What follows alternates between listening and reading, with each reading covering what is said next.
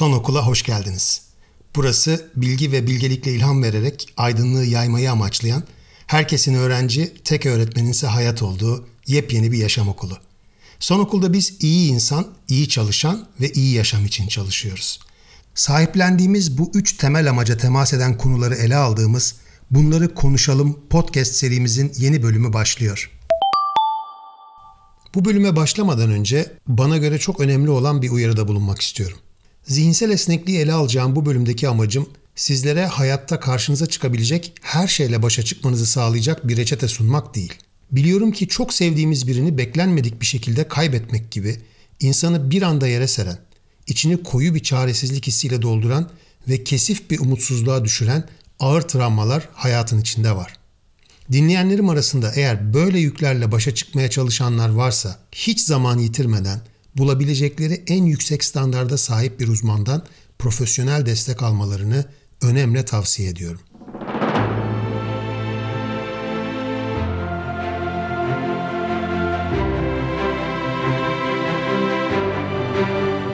Bunları konuşalım 4. bölüm. Zihinsel esneklik.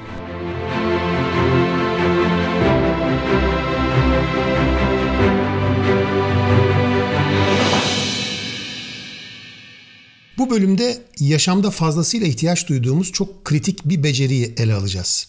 İngilizcesi resilience olan zihinsel esneklik. Harvard Business Review bu beceriye duygusal dayanıklılık demeyi seçmiş. Benim neden zihinsel esneklik demeyi tercih ettiğimi bölümün akışı içinde sizlerle paylaşacağım. Resilience kelimesinin kökü Latince'deki resilire fiiline dayanıyor. Bu fiil ise re ve salire kelimelerinin birleşiminden oluşuyor. Buradaki re yeniden, salire ise zıplamak, sıçramak demek. Demek oluyor ki düştüğünde yeniden ayağa kalkmak yüzlerce yıldır insanlığın dilinde. Peki zihinsel esneklik dediğimiz şey nedir? Ben zihinsel esnekliği insanın karşısına çıkan yeni durumun getirdiği belirsizlik ve zorluklara uyum sağlayarak yaşamında dengeyi yeniden kurabilme kapasitesi olarak tarif ediyorum. Bu kavram aynı zamanda insanın değişime uyum sağlayabilme becerisi olarak da tanımlanıyor.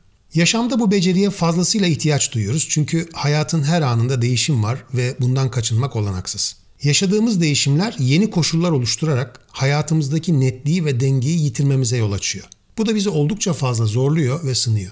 Örneğin boşandığımızda eşimizi ya da ailemizi, işten çıkarıldığımızda gelirimizi, iflas ettiğimizde birikimimizi, hasta olduğumuzda sağlığımızı kaybediyoruz. Haksızlığa uğradığımızda sabrımızı, aldatıldığımızda güvenimizi, geleceğe dair beklentilerimiz gerçekleşmediğinde ise moralimizi yitiriyoruz. Hayatın içinde tüm bunlar ve bunlardan daha fazlası var. Yaşadığımız kayıplarla başa çıkabilmek, bunların neden olduğu fırtınalara rağmen yaşam yolumuzda kendimize seçtiğimiz rotada ilerlemeye devam edebilmek ancak zihinsel esneklikle mümkün.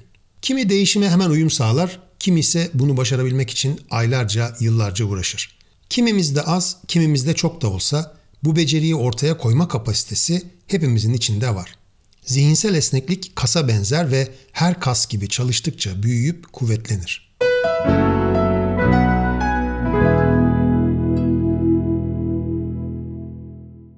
Daha fazla ilerlemeden Harvard Business Review tarafından duygusal dayanıklılık olarak adlandırılan bu beceriye benim neden zihinsel esneklik demeyi seçtiğimi açıklamalıyım. Öncelikle bu ifadenin yani duygusal dayanıklılık ifadesinin yanlış anlaşmalara neden olabileceğini düşünüyorum. Bu tanım, üzerinde konuştuğumuz bu becerinin insanın karşılaştığı zorlukların neden olduğu duygulara dayanması gibi anlaşılma riskini taşıyor. Bu risk aynı zamanda nahoş duyguların iyi bir şey olmadıkları gibi bir başka önemli yanlış anlama riskini de barındırıyor. Üstelik bana göre bu kritik beceri sadece duygularla bağlantılı olmadığı gibi yalnızca dayanma işini de içermiyor. Dolayısıyla duygusal dayanıklılık ifadesini kullanmayı istemedim. Bana göre bu beceri duygusal değil, zihinsel bir süreci kapsıyor. Amerikalı ünlü antropolog Paul Ekman'a göre insan karşılaştığı olaylara bağlı olarak gelişen duygularına bilinçli ya da bilinçsiz karşılıklar veriyor. Bir olayla karşılaştığımızda bunu anlamlandırmak için içinde bulunduğumuz fiziksel ve duygusal durumla zihnimizde barındırdığımız geçmiş deneyimler ve doğru kabul ettiğimiz sosyal kodların hepsini bir arada kullanıyoruz. Bu anlamlandırmanın sonucunda da duygular oluşuyor. Yaşadığımız duyguya bağlı olarak bedenimizde bazı fiziksel değişimler ortaya çıkıyor. Bununla birlikte içinde olduğumuz durumla ilgili bir kanıya vardığımız psikolojik bir deneyim yaşıyoruz. Sözünü ettiğim bu fiziki değişimlerle duygusal deneyim sırasında zihnimiz adeta bir fırtınaya tutuluyor ve doğru düşünemez, muhakeme edemez hale geliyoruz. Bunun sonucunda da içinde olduğumuz duruma çoğunlukla duygusal temelli yani akıl içermeyen reaksiyonlar gösteriyor ve işleri genellikle kendimiz için berbat ediyoruz. Küçük bir örnek vereyim. Diyelim ki iş yerinizde yöneticiniz ve diğer ekip arkadaşlarınızla birlikte girdiğiniz bir toplantıdasınız. Ekibinizden birinin sizinle rekabete girdiğini düşünüyorsunuz. Toplantı sırasında bu kişi sizin sözünüzü kesiyor. O anda öfke duygusuna kapılıyorsunuz. Çünkü onun sizi küçük düşürüp yöneticinizin gözüne girmeye çalıştığını düşünüyorsunuz. Herkesin önünde onu sert bir şekilde uyarıyorsunuz ve aranızda bir tartışma çıkıyor. Toplantı orada bitiyor ve yaptığınız hiçbir işe yaramadığı gibi ortaya sizin aleyhinize olan bir sonuç çıkıyor. Paul Ekman bu sürecin işimize yarayacak şekilde sonlanabilmesinin tek yolunun o fırtına içinde farkındalığı yaşamak için durup düşünmek olduğunu söylüyor. Ne yaşadığımıza, neden yaşadığımıza, nasıl bir karşılık vermenin en doğrusu olduğuna kafa yorduğumuzda duygusal beynimizin yani limbik sistemimizin neden olduğu fırtınadan uzaklaşıp rasyonel düşünce merkezi olan prefrontal kortekse bağlanabiliyoruz. Bunu yaptığımızda aklımızı kullanıyor, reaksiyon göstermek yerine amaçlarımız için en doğru olan karşılığı seçiyoruz. Dünyanın en geniş duygusal zeka ağı olan Six Seconds, kendi duygusal zeka metodolojisinde buna çok benzer bir yaklaşım öne sürerek duygusal zekayı duygularla akıllı olmak gibi müthiş bir ifadeyle tanımlamış. Gördüğümüz gibi bu beceriyi uygulamak için ihtiyaç duyduğumuz şeylerden biri duygularımızı tanımak ve yönlendirmek olsa da sürecin tamamını etkinlikle yürütebilmenin tek yolu beynimizin rasyonel düşünce merkezinden yani prefrontal korteksten faydalanmak. Beynimizin farklı alanlarını kullandığımız bu geniş kapsamlı sürece zihinsel yerine duygusal dediğimizde onu küçültüp daraltmış oluyoruz. İşte bu nedenle ben bu beceriyi duygusal değil, zihinsel olarak tanımlamayı tercih ediyorum.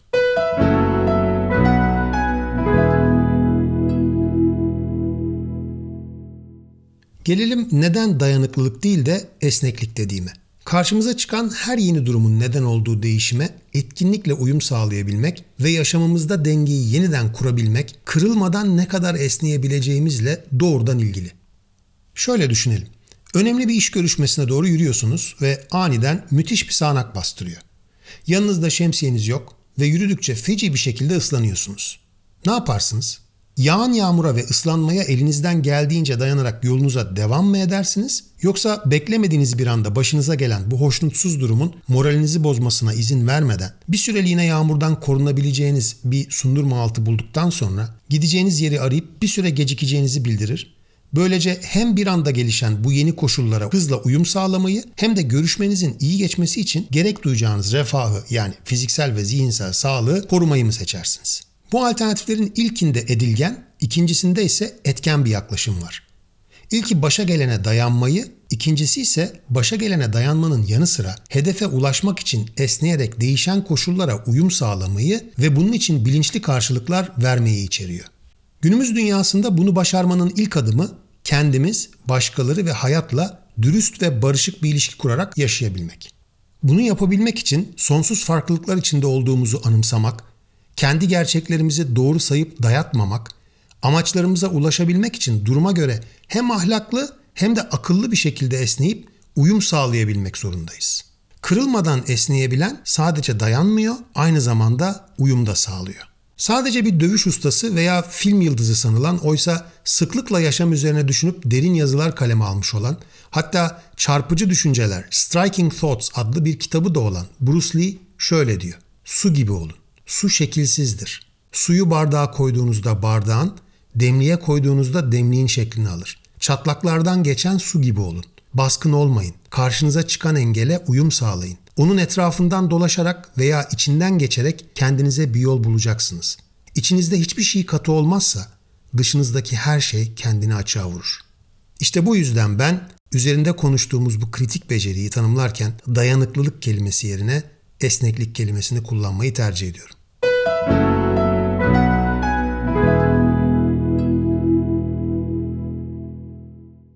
Gelelim bu kritik becerinin yapı taşlarına.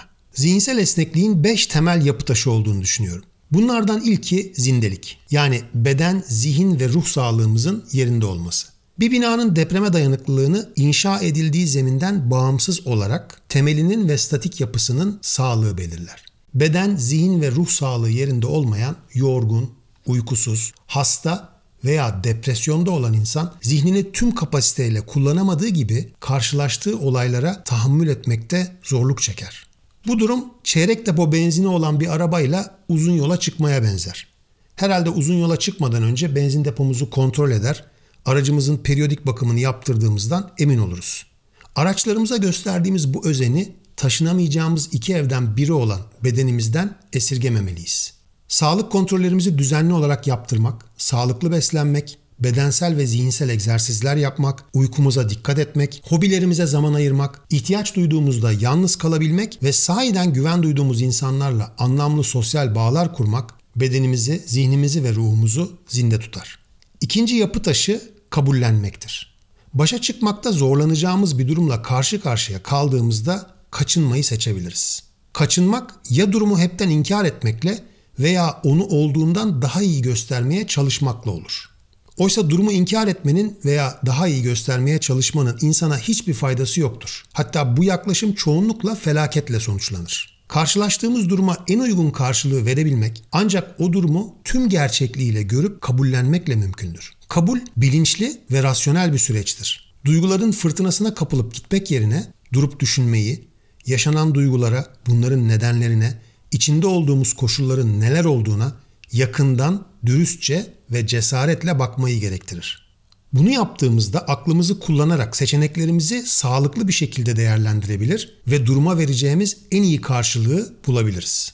Diğer taraftan yapabileceklerimizin bir sınırı olduğunu kabullenmek de gerekir. İnsanın sınırlarını bilmesi her soruna bir çözüm bulmak için çırpınarak kendini harap etmesini engeller. Yapacak hiçbir şey kalmadığında yaşadıklarımızı tekamülümüzün bir parçası olarak alıp kabullenmek bizi gereksiz yere taşıdığımız yüklerden kurtarıp özgürleştirir. Hayatta her durumun bir çözümü olmadığı gibi zihinsel esneklik de insanın karşı karşıya kalacağı her duruma bir çözüm bulmasını sağlayan sihirli bir beceri değildir. Aksine belki de hayatta başka her şeyden daha fazla olmak üzere belirsizlikle, çözümsüzlükle ve yenilgiyle başa çıkabilmemizi, teslim olmayı kabullenmemizi, beklemediğimiz ya da istemediğimiz sonuçlara katlanabilmemizi sağlayacak bir beceridir.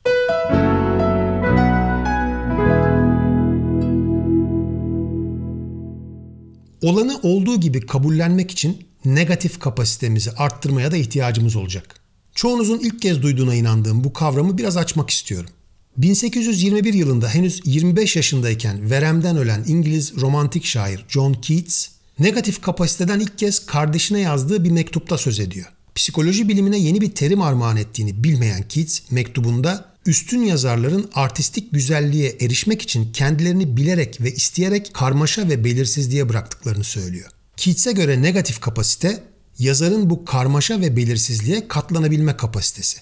Negatif kapasite günümüzde neden olduğu nahoş duygulara rağmen insanın belirsizliğin içinde taşıdığı olasılıkları da görüp kucaklayabilme kapasitesi olarak kullanılıyor. Biliyorum bu kolay bir iş değil. Montaigne'in de dediği gibi insan bilmediğinden korkar. Belirsizlik insanın temel endişe kaynaklarından biridir. Ancak unutmayalım ki belirsizlik bizi konfor alanımızın dışına çıkmaya zorlar. Aradığımız çözüm de zaten çoğunlukla rahat ve güvende olduğumuz yerde değildir. Belirsizliğin sadece risklerle değil, aynı zamanda yeni olasılıklar ve fırsatlarla da geldiğini düşünmek, sorun çözme becerimizi de etkinleştirecektir. Zihinsel esnekliğin üçüncü yapı taşı bilinçli ve amaçlı olmaktır. Her şeyde bir hayır vardır sözünü herhalde hepiniz sıklıkla duymuşsunuzdur. Bu sözle amaçlanan insanın başına gelenlerde onun bilmeyeceği bir hayır olduğunu düşünmesi, bunu kabullenmesi ve böylelikle yaşadıklarına takılmamasını sağlamaktır. Ben bu kaderci bakışı doğru bulmuyorum. Bana göre yaşadığımızdan hayır gelmesinin tek yolu vardır. O da kendimiz için ondan değerli bir ders çıkarmış olmak. Kendimiz için daha iyi bir geleceği ancak çıkardığımız bu derslerden öğrenip gelişerek kurabiliriz. Yaşadıklarımıza da işte bu bilinçle bakmalıyız. Diğer taraftan bazen yaşadıklarımızı bize verilen bir ceza ya da kaderimizin talihsizliği gibi görürüz. Böyle düşünmek yerine bilinçli bir şekilde içinde olduğumuz durumdan nasıl faydalanabileceğimize odaklanabilirsek dünyada hemen her durumdan öğrenebileceğimiz, kazanabileceğimiz bir şeyler olduğunu görebiliriz. Şunu unutmamakta fayda görürüm. Tatlıyı acıdan biliriz, bir şeyin değerini en iyi yokluğunda anlarız. hayatın en iyi iki öğretmeni acı ve yokluktur.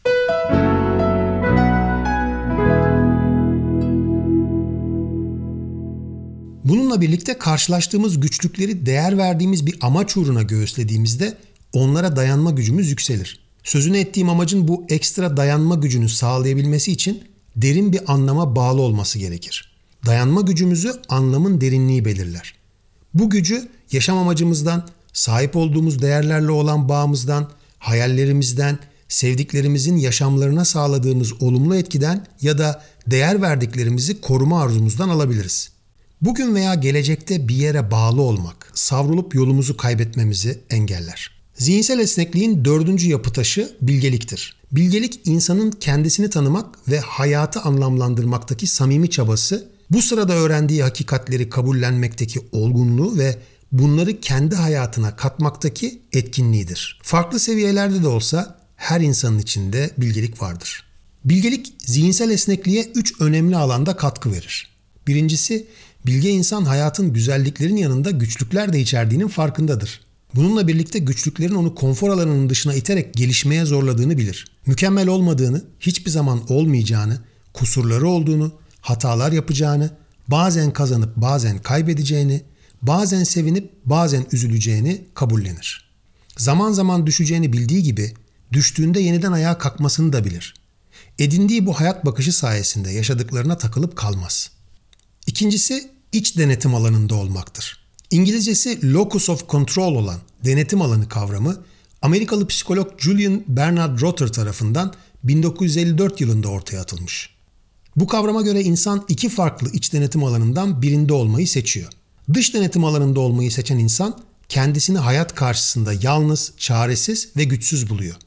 Kurban olduğuna inanıyor ve başına gelenler için hayatı, şansı, içinde olduğu koşulları karşılaştığı durumun güçlüğünü ya da başkalarını suçluyor. İç denetim alanında olmayı seçen insansa yaşamda karşılaştığı olayların sonuçları üzerinde belirli bir etkiye sahip olduğuna inanıyor. Bu nedenle başına gelenler için başkalarını veya dış faktörleri değil, kendi bakış açısını, seçimlerini, çabalarını, aldığı ya da almadığı aksiyonları yani kısacası kendini sorumlu tutuyor. Böylelikle başarılarının yanında başarısızlıklarını ve hatalarını da sahipleniyor. Bilge insan öz yeterliliğe sahip olduğundan iç denetim alanında kalmayı seçiyor. Bir düşünsenize, belki hayatta her şey kontrolümüzde değil. Ama algımız, düşüncelerimiz ve duygularımız hakkında bilinçli olmak elimizde. İyi haber şu ki yaşadığımız dünyayı da zaten neredeyse tamamen bunlar oluşturuyor. Karşılaştığımız durumla ilgili neler yapabileceğimizi düşünmek, uyum sağlayıp dengeyi yeniden kurmak için aklımızı kullanarak elimizden gelenin en iyisini yapmak hiç değilse bunun da elbet geçip gideceği gerçeğine sarılıp sebat etmeyi seçmek bizi ayakta, etkin ve güçlü tutuyor. Unutmayalım ki yaşam ona temkinli iyimserlik penceresinden bakmayı seçenleri çoğunlukla ödüllendiriyor.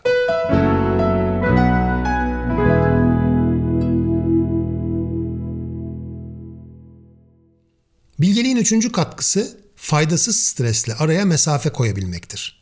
1908 yılında iki Amerikalı psikolog Robert Yerkes ve John Dodson belirli bir düzeye kadar stresin insan performansını arttırdığını ortaya koydu. Böylece stresin belirli bir miktarının performans için gerekli ve faydalı olduğu anlaşıldı. Peki yaşadığımız stresin seviyesini belirlemek elimizde mi? Benim gözlemlerime göre stresimizi azaltmakta zorlanıyoruz ama gereksiz yere yükseltmekte hiç de fena değiliz.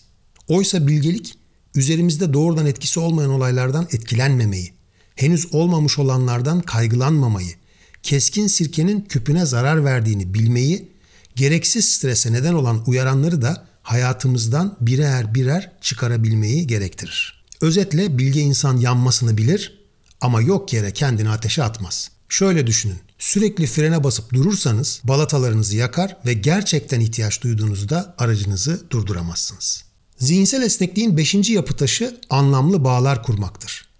Sokrates sonrası dönem antik Yunan filozoflarından Epikür'e göre mutluluğun üç temel kaynağı vardı. Dingin bir zihin, anlamı olan bir iş ve arkadaşlar. Epikür'ün sözünü ettiği türden arkadaşlar gerçek arkadaşlardır. Onların yanında gerçekten kendimiz oluruz. Bizi zaaflarımızla birlikte olduğumuz gibi kabul ederler. Onların gözünde genel olarak başkalarının gözündeki önemimizin, sahip olduğumuz ünvanların veya bankadaki servetimizin hiçbir değeri yoktur. Bizi sahiden dinlerler. Düşüncelerimize ve fikirlerimize saygı duyarlar. Varlıklarıyla hayatımıza anlam ve keyif katarlar. Bazen canımızı yaksa da hakkımızdaki en doğru, en haklı, en samimi eleştirileri onlardan duyarız. Onlarla kurduğumuz içten ve çıkarsız ilişki sayesinde gelişmek için bizi sürekli zorlarlar. Dünyada kendimize ait bir yerimiz olduğunu hissettirirler. Böylece anlaşılmış, kabul görmüş ve daha az yalnız hissetmemizi sağlarlar. İyi günümüzde olduğu kadar kötü günümüzde de yanımızda olurlar. Karşı karşıya kaldığımız zor durumları göğüslemekte yalnız olmadığımızı bilmek, zihinsel esneklik gösterebilmek için ihtiyaç duyacağımız en büyük güçlerden biridir.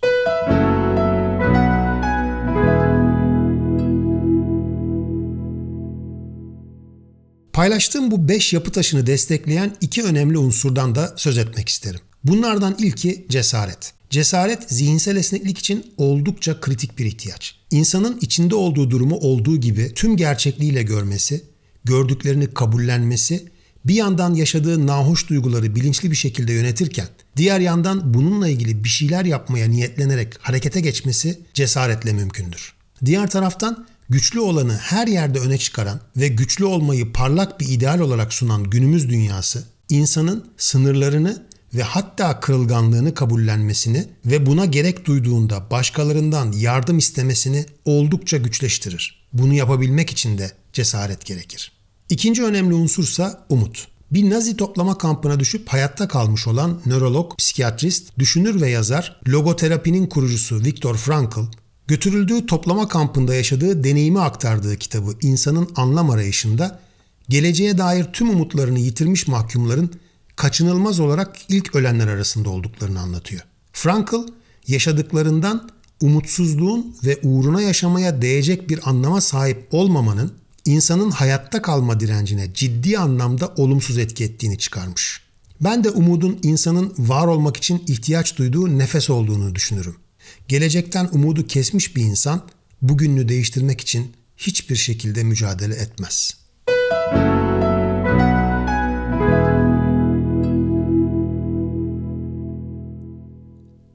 Peki zihinsel esnekliğimizi nasıl arttırabiliriz? Birincisi beden, zihin ve ruh sağlığı anlamında fit olun. Doktor kontrollerinizi düzenli olarak yaptırın. İyi beslenin. Kaliteli uyku uyuyun ve dinlenmesini bilin. Kitap okumak, yazmak, öğrendiğiniz bir konuyu bir arkadaşınıza anlatmak gibi zihninizi çalıştıracak faydalı uğraşlar edinin. Kendinize zaman ayırın, tutkularınızı keşfedin, hobiler edinin. Beden, zihin ve ruh sağlığınız yerinde olduğunda hayatta karşınıza çıkacak zorluklarla mücadele etme gücünüz de yükselecektir. İkincisi kendinizi tanıyın. Hoş olmayan duygular yaşamanıza neden olan tetikler üzerinde düşünün. Hangi koşullar altında neyle karşılaştığınızda tetikleniyorsunuz? Yaşadığınız duyguları isimlendirin. Bu duyguların arkasındaki gerçek nedenler üzerinde düşünmeye çalışın. Tetiklendiğinizde hangi zararlı düşüncelere kapılıyor? Hangi yıkıcı reaksiyonları veriyorsunuz?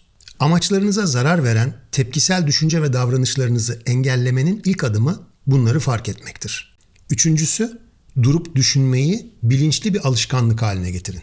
Hayat çoğu zaman zorluklarla birlikte bize akıllı tercihler yapma fırsatını da sunar. Ancak biz bu fırsatı kullanmak için durup düşünmek yerine aceleyle bir şeyler yapmaya girişiriz. Zihninizin kumandasını duygusal beyninizden alıp rasyonel beyninize verin. Amaçlarınızla bağlantıya geçin ve en iyi seçenekleriniz üzerinde düşünün. Hangi karşılığı vermek sizi amacınıza yakınlaştırır? Sizi amacınıza ulaştıracak en iyi karşılığı bilinçli olarak seçin ve etkinlikle uygulayın. Dördüncüsü kendinize şefkat gösterin. Kendimizin en büyük düşmanı biziz. Neleri yapamayacağımızı, neleri hak etmediğimizi, hangi hataları yaptığımızı, ne kadar yetersiz, değersiz, akılsız filan olduğumuzu kendi kendimize söyler dururuz. İçinizdeki o hiçbir işe yaramayan sabotajcıyı susturup dışarı atın. Ve hemen bu andan başlayarak sevdiklerinize gösterdiğiniz sevgiyi, sabrı, anlayışı ve değeri kendinize de gösterin. Beşincisi, yaşadığınız deneyimi olağanlaştırıp küçültmeye çalışın. Şunu anımsayın. Karşı karşıya kaldığınız zorluk her neyse onunla başa çıkmak zorunda kalan ilk ve tek insan siz değilsiniz. Hatta sizden çok daha ağır durumlarla karşı karşıya olan insanlar da var. Bununla birlikte yaşadığınız durumun ilk şokunu atlatır atlatmaz onun gözünüze daha makul görüneceğini bilmelisiniz. Bir arkadaşım başa çıkamayacağını hissettiği bir durumla karşılaştığında kendine yukarıdan bakarak yükseldiğini Böylece önündeki haritanın giderek küçüldüğünü, sonunda uzayın sonsuzluğunda dünyanın küçük mavi bir nokta gibi kaldığını ve bu bakışın ona çok iyi geldiğini anlatmıştı. Sizin yönteminiz farklı olabilir. Yeter ki yaşadıklarınızın etkilerinin aslında ilk anda hissettiğinizden daha küçük olacağını fark edin, buna inanın. Altıncısı, kendinize kökü öz saygıya dayanan bir özgüven inşa edin. Öz saygı insanın kendisini yeterli, kabiliyetli ve değerli görmesine dayanır. Bana sorarsanız bu sahip olduğumuz potansiyelin hakkını vermekle ilişkilidir. Potansiyelimizin hakkını ne kadar verirsek öz saygımız da o kadar derin olur. Kuvvetli bir öz saygıya sahipse insan, hayatta karşılaşacağı zorluklarla başa çıkabileceğini bilir ve olayların sonuçları üzerinde etkisi olabileceğine yürekten inanır. Bu inanç mücadele ederken kırılıp yıkılmasını güçleştirdiği gibi yıkıldığında da hızla yeniden ayağa kalkıp bir defa daha denemesini sağlar. Yedincisi ve bana göre en önemlisi yaşam amacınızı bulun ve ona bağlanın. Yaşam amacı olağanüstü bir enerji kaynağıdır. Bir yaşam amacına sahip olmak sadece hayatınıza anlam katmakla kalmaz, aynı zamanda karşınıza çıkacak güçlüklerle başa çıkma şevkinizi ve zorluklara dayanma gücünüzü de yükseltir.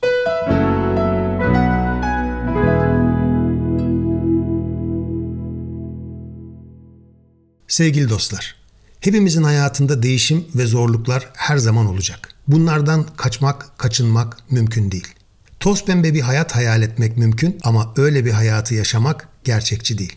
Işıklarda dinlensin, Amerikalı ünlü aktivist ve şair Maya Angelou, başıma gelenler beni değiştirebilir ama bunların beni küçültmesine asla izin vermem demiş. Hayatta başımıza ne geldiğiyle değil, buna nasıl karşılık verdiğimizle büyüyoruz. Çileden çıkmadığınız, umudunuzu yitirmediğiniz, acıdan ve yokluktan öğrenmeyi bırakmadığınız, her zaman ve her şeye rağmen mutluluğun en doğru, en bilinçli seçim olduğunu hiçbir zaman aklınızdan çıkarmadığınız, yaşamaya değer bir hayat sürmenizi diliyorum. Şimdi gelin her bölümün sonunda yaptığımız gibi hayatın fısıldadıklarına hep birlikte kulak verelim.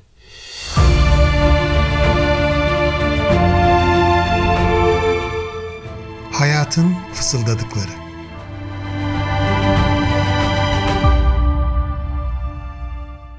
Genç bir kız annesine sürekli hayatın ne kadar zor olduğunu ve yapmak zorunda olduğu şeylerin kendisine ne kadar ağır geldiğini anlatıp duruyordu.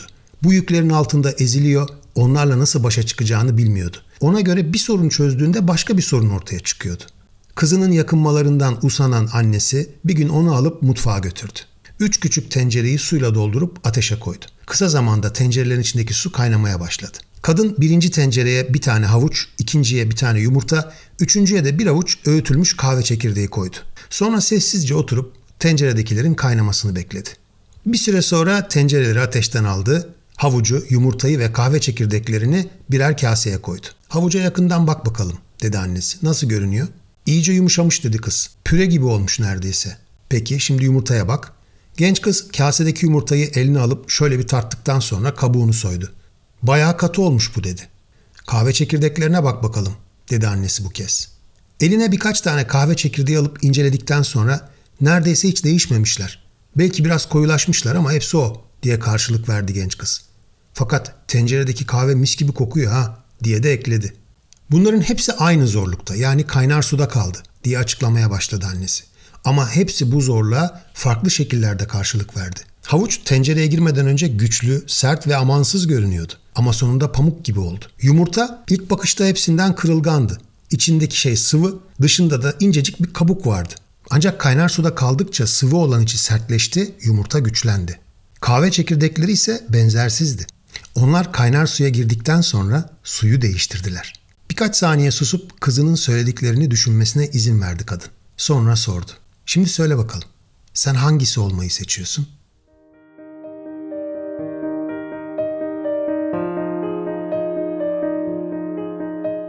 Son Okulu Instagram üzerinden takip edebilir. Podcast serimiz, içerikler ve konuşmamızı istediğiniz başlıklarla ilgili görüş ve düşüncelerinizi bize merhaba@sonokul.com e-posta adresinden iletebilirsiniz. Yeniden görüşünceye dek yolunuz hep açık ve aydınlık olsun.